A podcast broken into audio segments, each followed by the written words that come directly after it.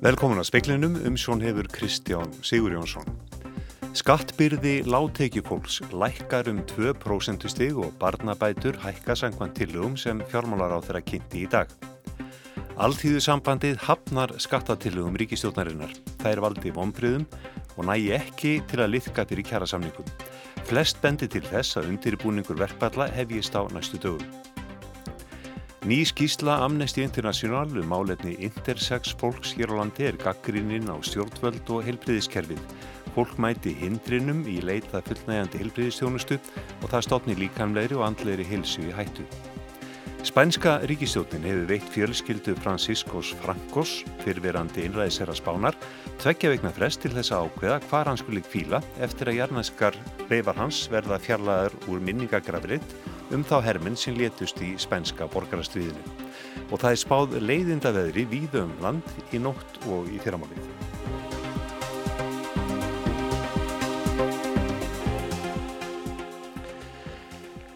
Nýtt þriðja og lægsta skattrepp verður miða við 325.000 krónur í mánagalun.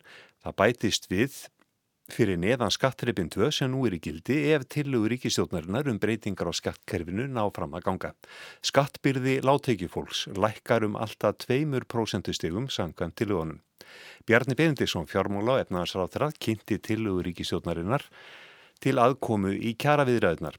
Þriðja skattreipinu verður bætt við og verður skattbyrðið þeirra sem þjena minna en 325.000 krónur í tekjur á mánuði 32,94%.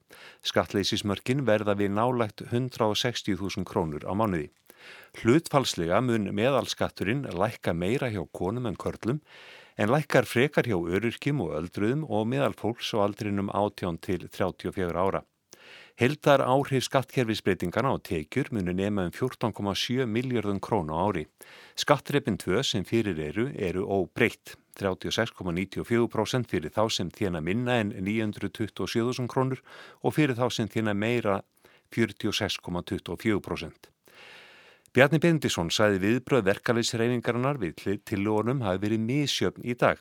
Ríkistjónin sé hins vegar að spila út tillögum í það svigrum sem er til staðar og að útfæslan sem kynnt var í dag gagnist helst þeim hópum sem kalla eftir bættari kjörum. Forseti Alþjóðsambands Íslands segir að tillögur sem ríkistjónin kynnti í dag séu vonbriði og nægi ekki til að liðka fyrir samningum við samtöku atvinnulífsins. Formaður verkalýsfélags Akranes segir að staðan í kjaramálum sé grav alvarleg. Formannafundur Alþjóðsambandsins hafnaði í dag framlægi ríkistjónarinnar. Niðurstaðan er rauninni svo að við vorum öll sammálum að uh, það er tilögur sem að okkur kynntar í morgun frá stjórnvöldum um skattabreitingar og væru mikil vonbriði og væru í rauninni ekki til að liðka fyrir viðræðum við samtökuatulísis. Saði Drífa Snædal að fórsitaði sí eftir fundi samningarnemdaræði sí í dag þar sem fjallavarum tilugur ríkistjórnarinnar. Samningarnemdina skipa formen allra aðeldarfélaga sambansins. Þeir telja tilugunar í skattamálum gangi ekki nóg langt. Það er lækki skattbyrði þeirra tekjulagstum aðeins um tæpar 7000 krónur á mánuði sem sé ekki nóg. Það sem vandar upp á er í fyrsta lega að nýta kerfið sem tekið í öfnunatæki og að eh, meiri skattalækkun komi til þess hóp sem á erfitt með að framfleita sér á laununum sínum núna. Funda verður í félagunum á næstu dögum og búa smá við að félagin innan starfsgrunarsambandsins, yðnaðamenn og verslunamenn vísi deilinu til ríkisáttasemjara. Þá er næsta vísta að félagin fjögur sem hafa þegar vísa til sáttasemjara slíti viðræðum og hefji undirbúning verkvalla og hafi staðan verið alvarleg á íslensku vinnumarkaði e, fyrir þennan fund þá er alveg ljóst að hún er orðin grav alvarleg. Þetta var Viljánu Birgisson, formaður verkalýsfélags Akranes. Nánar verður rætt við hann síðar í speiklinum. Katrín Jakobsdóttir, fórsættis á þeirra, sagði á alltingi í dag að hún hefði viljað að vinna við heldar endurskoðun stjórnarskrárinar hefði gengið hraðar. Hins vegar þyrti að vanda til verka með heldar hagsmunni að leiðaljósi. Mikilvægast er að ná sem breyðastri samstöðu, sagði fórsættisráttara, sem standa muni af sér pólitíska vinda. Þetta kom fram í máli Katrínar í sérstakri umræðu um heldar endurskoðun stjórnarskrárunar í dag en málsefjandi var Jón Þór Ólarsson Þingmaður Pírata. Í stjórnar sáttmála ríkistjórnarinnar frá november 2017 kemur fram að halda skuli áfram þeirri heildar endurskoðun í þver pólitískri samstöðu með aðkomi þjóðarinnar og leggja formen allra flokka á alþingi línutnar. Verkefnastjóri er unnu Brá Konradsdóttir fyrverandi fórseti alþingis. Fólk sem fæðis með lífræðileg kínenginni sem eru ekki dæmigerð fyrir karla eða konur mætir hindrunum í aðgengi að heilbriðistjónustu hér á landi, sangkvæmt rannsókn Amnesty International. Nýskísla sem Amnesty létt gera um stöðu intersex fólks innan heilbriðiskerfiðsins leiðir þetta í ljós. Laura Carter sem vinnur í höfustöðum samtakana innan dildar sem sinnir kynneið og kynvitund vann skísluna. Hún segir að þegar þessi hópur eða fjölskyldur þeirra leiti til helbriðistofnana skorti skýrt mannreynda við verklag og þverfaglega nálgun sem og félagslega stuðning. Tilstendur að leggja fram stjórnafrum varpum kynrænt sjálfræði þar sem áum er rétt einstaklinga til þess að skilgreina sjálfur kyn sitt og miða þannig að því að tryggja að kynvitund þeirra njóti viðkenningar. Einnig í lögunum ætlaði að standa vörðum rétt einstaklinga til líkamleirar fríðhelgi. Laura Carter segist fagna mörgu í frumvarpinu en hún hefði viljað að það gengi lengra, sérstaklega að banna eitt í læknisfræðili ingrepp á intersex börnum sem miða að því að laga líkama að stöðluðum kynjahugmyndum. Þessar aðgerir geti haft slæmar afleðingar fyrir börnin til lengri tíma litið. It's a shame that the bill, as currently drafted and that's currently being consulted on, misses the chance to prohibit uh, non emergency invasive and irreversible surgeries with harmful effects on children with and adults with variations of sex characteristics. Þetta var Laura Carter og nánaður fjallaðan þetta mál síðar í speiklinum. Talið er að alltaf tólf skíðamenn hafi lendi í snjóflóði sem fjall í Sviss í dag. Laurugla hefur enn ekki viljað staðfesta fjöldapólksins, segir einingis að Twitter að tali sé að nokkrir hafi grafist í flóðinu. Það fjall laust fyrir klukkan eitt í dag að íslenskun tíma á Krans Montana skíðasvæðinu í kantónni Valei í um 3000 metra hæð. Margir eru á skíðum í Sviss þessa dagana vegna miðs vetrarleifis í skólum landsins. Íslenskur maður sem reyndist smitaður af mistlingum leitað á helsugessluna í Neskjöpstaði í síðustu viku vegna veikinda. Maðurinn var sendur með sjúkrarflugi til Reykjavíkur til að tryggja hann fengi viðeigandi meðferð en einnig til að tryggja öryggi annara. Hann var settur í einangrun á landsbítalunum og er nú á Bathavi. Maðurinn var nýkominn frá Philipsheim og hafa farþegar og áhöfn í því flugi sem hann ferðaðis með fengi tilkynningu frá sóttvarnalækni um mögulega smitættu. Spænska ríkistjónin hefur veitt fjölskyldu Frankos fyrirverandi innræðisera spánar tveggja veikna frest til þessa ákveða hvar hann skuli kvíla eftir að jarneska leifar hans verða fjallaður úr minningagrafreit um þá herminn sem létust í spænska borgarastriðinu. Francisco Franco lést árið 1975 og var hann grafin í dalhinna föllnu, rétt utan við Madrid. Þennan minningargrafreit let Franco pólitiska fangabyggja í nauðungarvinnu eftir borgarastriðið og þar hvíla um 40.000 hermenn sem fjallu í borgarastriðinu á árunum 1936 til 1939, jaft hermenn líðveldi sinna og falangista.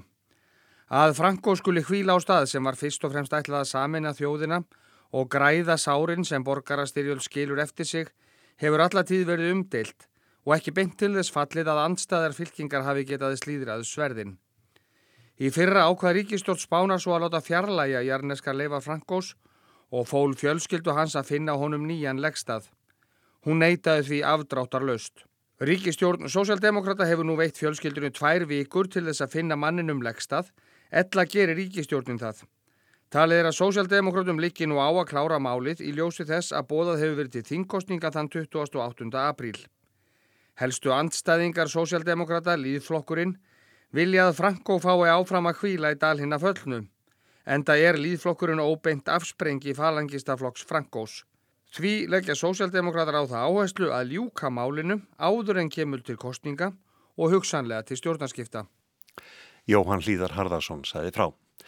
Það er spáð austan og suðaustan sveljanda á landinu öllu í nótt og í fyrramálið. Þetta brestur á sunnan og suðvestanlands seint í kvöld en sílanætur og í fyrramálið verður hann brostin á norðanlands og austan. Það hlínar heldur í veðri en viðbúið er að færð spillist og gætu heiðar og fjallveir orði ill eða ófærir af slittu eða snjókomu. Vindstyrkur getur verið á bilinu 15 til 25 metrar síðst og enn kvassara í kviðum. Það dregur fyrst úr vindi sunnalans en annarkvöld tekur aftur að kvessa. Eftir fund ríkistjónarinnar í dag bendi flest til þess að undirbúningur verkfalla hefjist á næstu dögum. Formenn verkefliðsfélaga innan alþjóðsambansins telja tilugur ríkistjónarinnar í skattamálum ombriði og þær verði ekki til þess að liðka fyrir lust kjara samninga. Vilhjálmur Birgisson, formar verkefliðsfélags Akarnes og fyrsti fórsiti ASI, fyrsti varafosti ASI, gekka fundi ríkistjónarinnar í dag vegna þess að hann er ósáttur við framlag hennar í skattamálum. Ég vonaðist til þess að eh, aðkoma stjórnvalda til að rikka fyrir þessu samningum er því með mun eh, hætti heldur en eh, en nýðustafamarð og þegar ég sá að það var ekki að fara að gerast þá bara leið mér þannig inn í þessu herbyggi að ég tók þá ákvörðunum að að ég við gefa samkvæmið að þannig má orðið komast. En hvað er það sem að fer fyrir brjóstu á þeirri sem tilugman og lagt til lægra skattrepp, eh, nægir það alls ekki? Nei, það nægir alls ekki vegna þess að við höfum verið að horfa til þess að við getum aukið rástunatekjur tekjulegstu hópana og þess að kjara við er það ganga út á það að fanga þann hóp. Það eru þúsundir fjölskyldna sem að eru einfallega með þeim hætti að fólk nær ekki að framflytta sig frá mánuði til mánar og er auðvitaðlust jafnveg þeirra tíu dagar eftir af mánuðinum og við getum aukið ráðstöðunatökju þessa hóps með markvíslegum hætti, ekki bara beinulögnahækunum, heldur líka breytingum á uh, skattkerfinu þannig að uh, það skipti ykkur máli að þessa tillögur sem að voru kynnta fyrir okkur voru afar, afar, rývar, rýrar svo ekki sé fastar orði kveðið. Eftir að samtök atvinnlýfsins höfnuðu gagtilbóði eblingar vaffer og verkalýsfélagan á Akranes og í Grindavík voru bundar vonir við útspili ríkistjórnarinnar til að liðka fyrir samningum. Gagtilbúðið hljóðu upp á að mánuðalun hækkuðum 37.500 krónur á mánuði árlega þrjú ár og að á síðasta samningsárunum erðu lámaslaun eða tekjutryggingin komin í 400.000 krónur á mánuði. Viljámið segir að staðan í kjara viðraðum hafi verið alvarleg en nú sé hún graf alvarleg.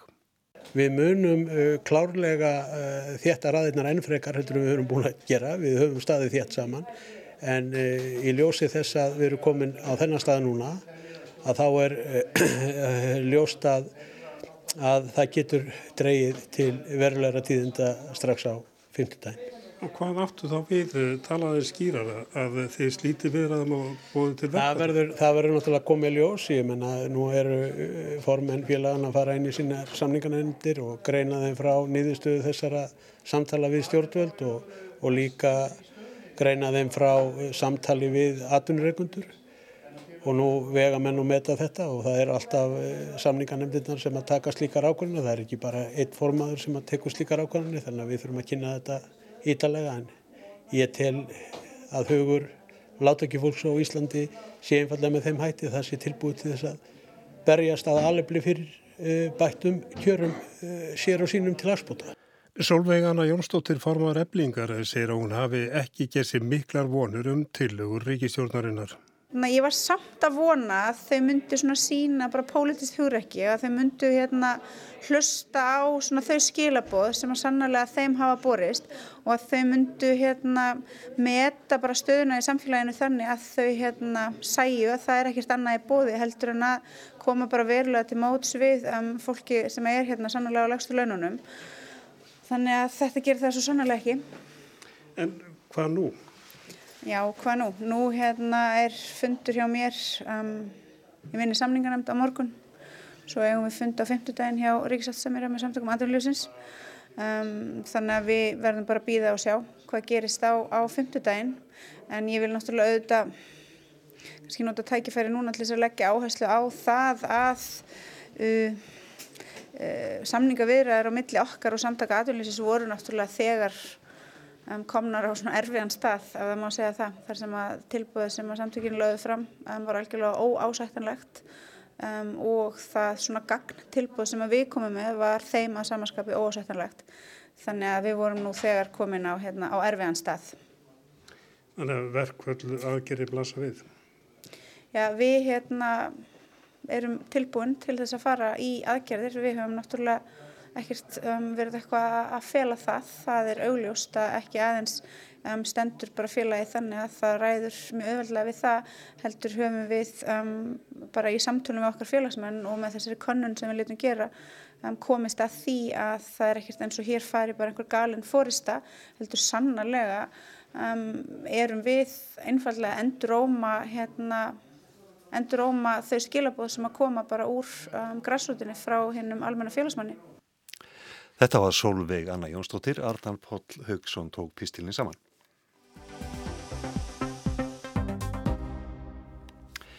Í nýri skýslu Amnesty International um álefni intersex fólks á Íslandi sem kynnt verið í dag kemur fram að einstaklingar sem fæðast með lífræðileg kynenginni sem er ekki dæmiger fyrir karlmenni eða konur sæti hindrunum í aðgengi að fullnægandi hilbriði stjónustu hér á landi og það stotni líkamleiri og andari hilsu þeirra í hættu.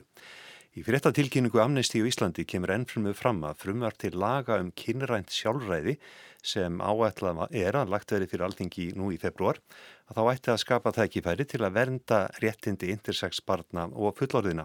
Í núverandi draugum að frumvarpinu vanti hins vegar mikilvæga vernd fyrir intersex börn. Sérstaklega vanti ákvæði sem komi í veg fyrir ónöðsynlegar, óafturkræfar og yngrippsmiklar aðgerðir á börnum sem fæðast með ódæmi gerð lífræðileg kynenginni. Það er Svandi Svavastóttir, Hilbriðisáðra og Marja Helga Gummistóttir, formaður samtakana 78, eru konar í beina útsendingu í speilin. Velkonar, baður. Takk. Marja, áður en við ræðum þessa skýslu, eh, getur þú útskýrt hvað intersex er? Um, já, við fæðumst öll með kynenginni. Þessi kynenginni eru oft, oftast það sem er líka til grundvallar þegar barn kemur í heiminn og ljósmóðir eða læknir eða einhvern annar viðstattur tekur að sér að segja þetta er strákur eða þetta er stelpa. Um, það er eitt þáttur kynenginna sem er þetta svona utan á liggjandi, það eru kynfæri og um, síðan eru þeim tengt innri kynfæri og ægslunarfæri. Um, til kynenginna teljast líka litningarnir okkar, kynlitningarnir og ymsir aðrir þættir eins og kynhormónastarfsemi og svo erum við allir líka með annar styggs kynenkenni sem að koma fram síðar á lífsleðinni og það er eins og brjóstavöxtur, hárvöxtur, fytudreifing og svo framvegs. Um, margt fólk er hægt að flokka eftir þessum kynenkennum í þessa tvo flokka sem við erum vöna að kalla karla og konur en það er ekki við um allt fólk og það eru svona tæp 2% mannkynns, það er oft talað um kannski 1,7% sem fæðist með einhvern breytileika á þessum kynenkennum um, sem gerir það ekki augljóst eða auðveldað að flokka þau líffræðilega í þessa flokka kall eða kona. Um, í sumum tilvíku kemur þetta fram strax þegar barni fæðist. Í öðrum tilvíkum er þetta eitthvað sem uppgötast kannski síðar á lífsleginni þegar það kemur fram undir kynþróska eða jáfnvel þegar fólk fer að hugsa um barnegnir eða slíkt. Í sumum tilvíkum kemur þetta aldrei fram og fréttist jáfnvel bara við krupningu. Um, og langflest fólk sem fæðist með svona breytileik á kyninkennum með ódæmi gert kyninkenni um, er fullkomlega líkamlega heilbrygt og það sést kannski best á því að það er hægt að lifa æfina á enda á þess að vita einu sinni að maður sé intersex. En þetta er þá fyrst og fremst líkamlegt? Þetta er líkamlegt, þetta er lífræðilegt. Já, en þannig að þetta er ekkert, er ekkert að ruggla þessu saman við það sem kallaði trans? Nei, þetta snýst ekki um kynvitund einstaklingsins, hvort einstaklingnum líði eins og karli eða konu eða kynseinmannisku og kjósi að lifa í því kynhlutverki. Um, hver einasta manneska hefur kynvitund og þá líka við um intersex fólk. Sumt intersex fólk eru karlmenn, sumt intersex fólk eru konur og sumt intersex fólk að upplifa sér hvorki sem karlmenn eða konur en það er ekki beint samband á milli þess og milli eh, lögunar og þarna litninga líkamanns. Það voru svona fræðin komin á reynd. Emitt. En uh, það kemur fram í skýslunni Svandís að það er talið að svona hvað, 60-70 börn fæðist á Íslandi intersex og hildar tala intersex fólks á Íslandi sé þá um 6.000 manns. Er þetta tala sem að menn voru meðvitaður um? Já, um, sko í raun og veru er held ég mikilvægast þegar við erum að fjalla um þessar ábæðingar sem þarna koma fram. Þetta er auðvitað ákveðin útgangspunktur í, í því eh, um hvaða hóp er að ræða að, að þessi hópur er ekki einsleitur. Hann er mjög fjölbreyttur og, og, og, og fjölbreytt, fjölbreytt samsetningi raun og veru sem kallar á mismunandi uh, aðkomu og mismunandi viðbröð og eins og Marja fór hérna yfir að þá er þetta, getur það verið allt frá því að vera mjög sínilegur, sínileg frávik og yfir í það að vera það ekki. Um, þannig að það sem að skiptir mestumáli í þessu er að uh, sá hópur sem hér umræðir að, að heilbriðstjónustan eins og samfélagi allt nálgist þessa einstaklinga þar sem þeir eru stattir á forsendum hvers og eins og þess vegna teki ég undir þær ábendingar sem að koma í skýrslunni um, sem það sem er undistrykka mikilvægi þess að að heilbyrjastjónustan sé í raun og veru mjög uh, einstaklingsmiðuð í þessum efnum.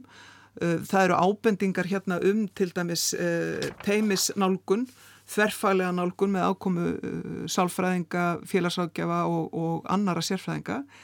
Um, það er raunin, um, sangvært mínum upplýsingu frá landsbytalanum, að það sé yfirleitt um slíka nálgun að ræða.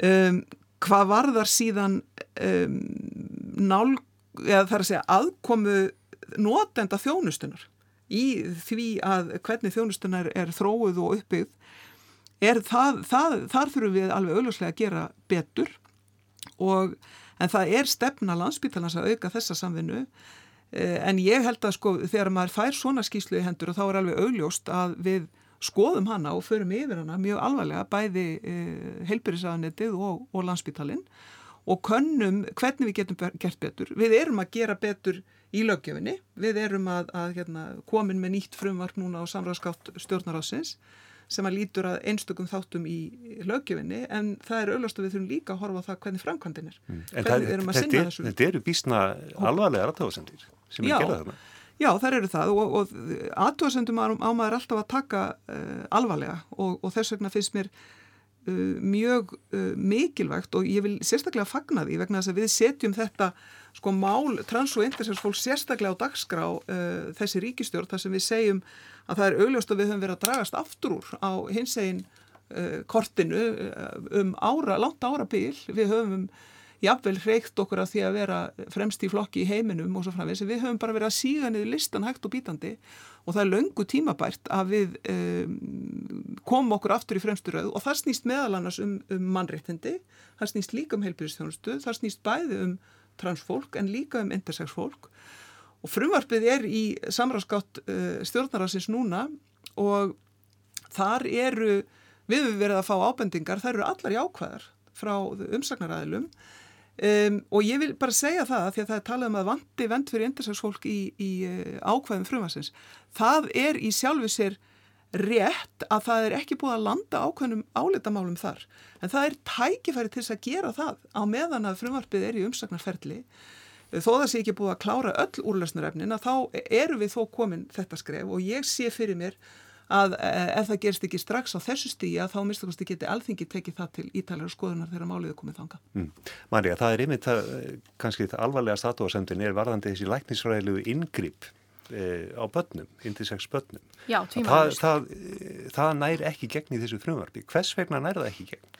Það er ekki í þessum drögum sem að byrta eru í samráðskáttinni og um, ég held að ymsar ástæður liggi þar til grundvallar og kannski ekki síst það að þetta er eitthvað sem um, er ansi nýtt af nálinni í ofnböru umræð á Íslandi og við um, við erum enn stödd á þeim stað að við þurfum reynilega að útskýra fyrir fólki hvað intersex sé og þessi skýrsla er gríðarlega mikilvægt innlegg í þá umræðu vegna þess að hér kemur fram svart á kvítu að það eru mjög útbreytt viðhorf innan okkar samfélags- og heilbreyðiskerfis sem að leiða til þess að það eru framkvæmt yngripp í líkama barna mjög snemma og löngu áður en þau geta fengið nokkuð um það ráðið hvað er gert eða hvernig eða hvers vegna og mjög oft af ástæðum sem eru bara einfallega félagslegar. Að þá er verið að reyna að fyrirbyggja einelti eða aðkast sem að barn gæti hugsanlega orðið fyrir síðar á lífsleginni og verið að gera það með óafturkræfum læknisfræðilegum inngripum í frumbensku og þetta stuðlar einfallega að umhverfi þar sem að það ríkir mikil skömm um það að við séum fjölbreytt. Og mér finnst títill skýrslunar bara uh, fullkomlega við hæfi. No shame in diversity. Engin skömm í fjölbreytileika og það er viðhorfi sem við þurfum að tilenga okkur og um, ég held að það sé mjög mikilvægt að við vinslu frumvarpsins eða frumvarpsdragana áfram áður en þau eru sendt til alþingis og svo í þingleiri meðferð þá hafi allir sem að komi að þeim þetta í huga það er engin skömm í þessum fjölbreytileika og við eigum ekki að vera að breyta líkamum barna á forsendum viðhorfa sem við ættum að vera að breyta í staðin. Það eru viðhorfum sem eru vandamálið. Hvar liggur anstæðan fyrst og fremst við það að þetta ná ekki ekki? Ég held að skýrslan varpi svo litlu ljósi á það vegna þess að, að í skýrslunni þá er hægt að sjá gegnum gangandi að viðhorf margra fagstjætta sem að hafa verið að takast á við þessi málefni eru byggjast á þessum hugmyndum um að allir líkamar eigi að vera eins og dæmigerðir hvern líkamar eða dæmigerðir kall líkamar og frávik frá því séu eitthvað sem að þarf að breyta hið snarasta.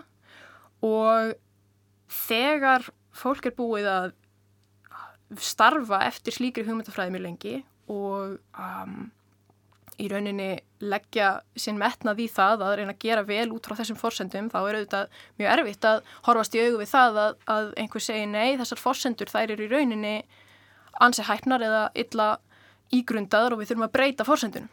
Þannig að ég held að talsverður hluti um, svona tregðunar eigi sér rætur þar. Mm. Uh, en þetta eru samt um áður við þar sem við sjáum að eru að breytast og uh, eins og Svandís nefnir þá fær hún þau skilabóð frá landsbítalunum að það sé núna oftast að þessi þverfaglega nálgun og það sé í meiri hluta tilfella og svona og það er, það er þróin í rétta átt en það er ekki nú. Svandís, hvað hyggst þú gera núna á já, næstu vikum og mánuðum? Ég kannski, mér langar kannski aðeins fyrst að nefna það að, að það var í raun og veru að frumkvæði samtakana 78 Trans Ísland og Intersex Ísland sem að þetta frumvart var til og það var í raun og veru ákall til þingsins og, og tölvupostu sem að sendur all nokkrum þingmönnum uh, árið 2015 þannig að þetta er mjög laung meðganga og, og uh, ég um, það svona kom í minn hlut að verða að sita við borðsendan í þessari vinnu og, og var alveg sérstaklega spennandi vinna einmitt vegna þess að það er svo mikilvægt þegar við erum að færa eh, þessa, þessi mörg mannréttinda, þekkingar og fordómaleysis áfram og að það er bara svo mikilvægt í, í nútímalegu samfélagi að gera það. Og haustu 2017 þá vorum við komið þangað að frumvarpið að tilbúið til flutning sem stjórnaranstöðu frumvarp en þó með meðflutningi allra þingmana og, og Marja var einmitt að stötti í þingúsinu og var að kynna þetta fyrir nokkrum öðrum þingmönnum úr öðrum þingflokkum að því við vorum með fólk úr öllum þingflokkum. Svo kom nótt og ríkistofnum fjell þannig að þar lág frumvarpið í raun og veru og var algjörlega reyðubúið til þess að leggja fram eh, sem stjórnaranstöðu frumvarp en þó í þörrpolítiskri nálgun. Þannig að umræðan í þinginu og í pólitíkinni er orðin merkilega þróskuð sem betur fer en þó veit ég að, að þessi ingangur Marju hérna áðan um það hver er munurinn og hvað er að vera intersex og framvegis er eitthvað sem við þurftum bara að hengja upp á alla ískápa uh, allstaðar í landinu og, og ekki síst hjá stjórnmálafólki. En það sem að ég geri að þú spyrir sérstaklega um Já, það. Þú hefur svona hálfa myndu? Já, ég hefur svona hálfa myndu.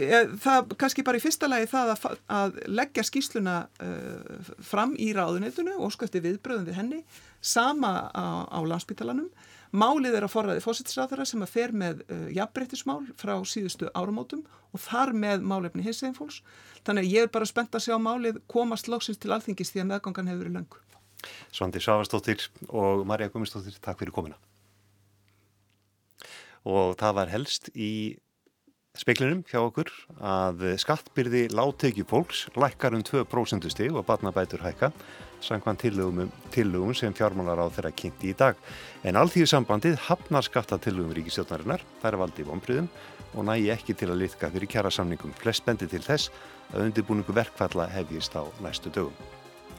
Á Davíð Bensen sem að sendi speilin út, veriði sæl.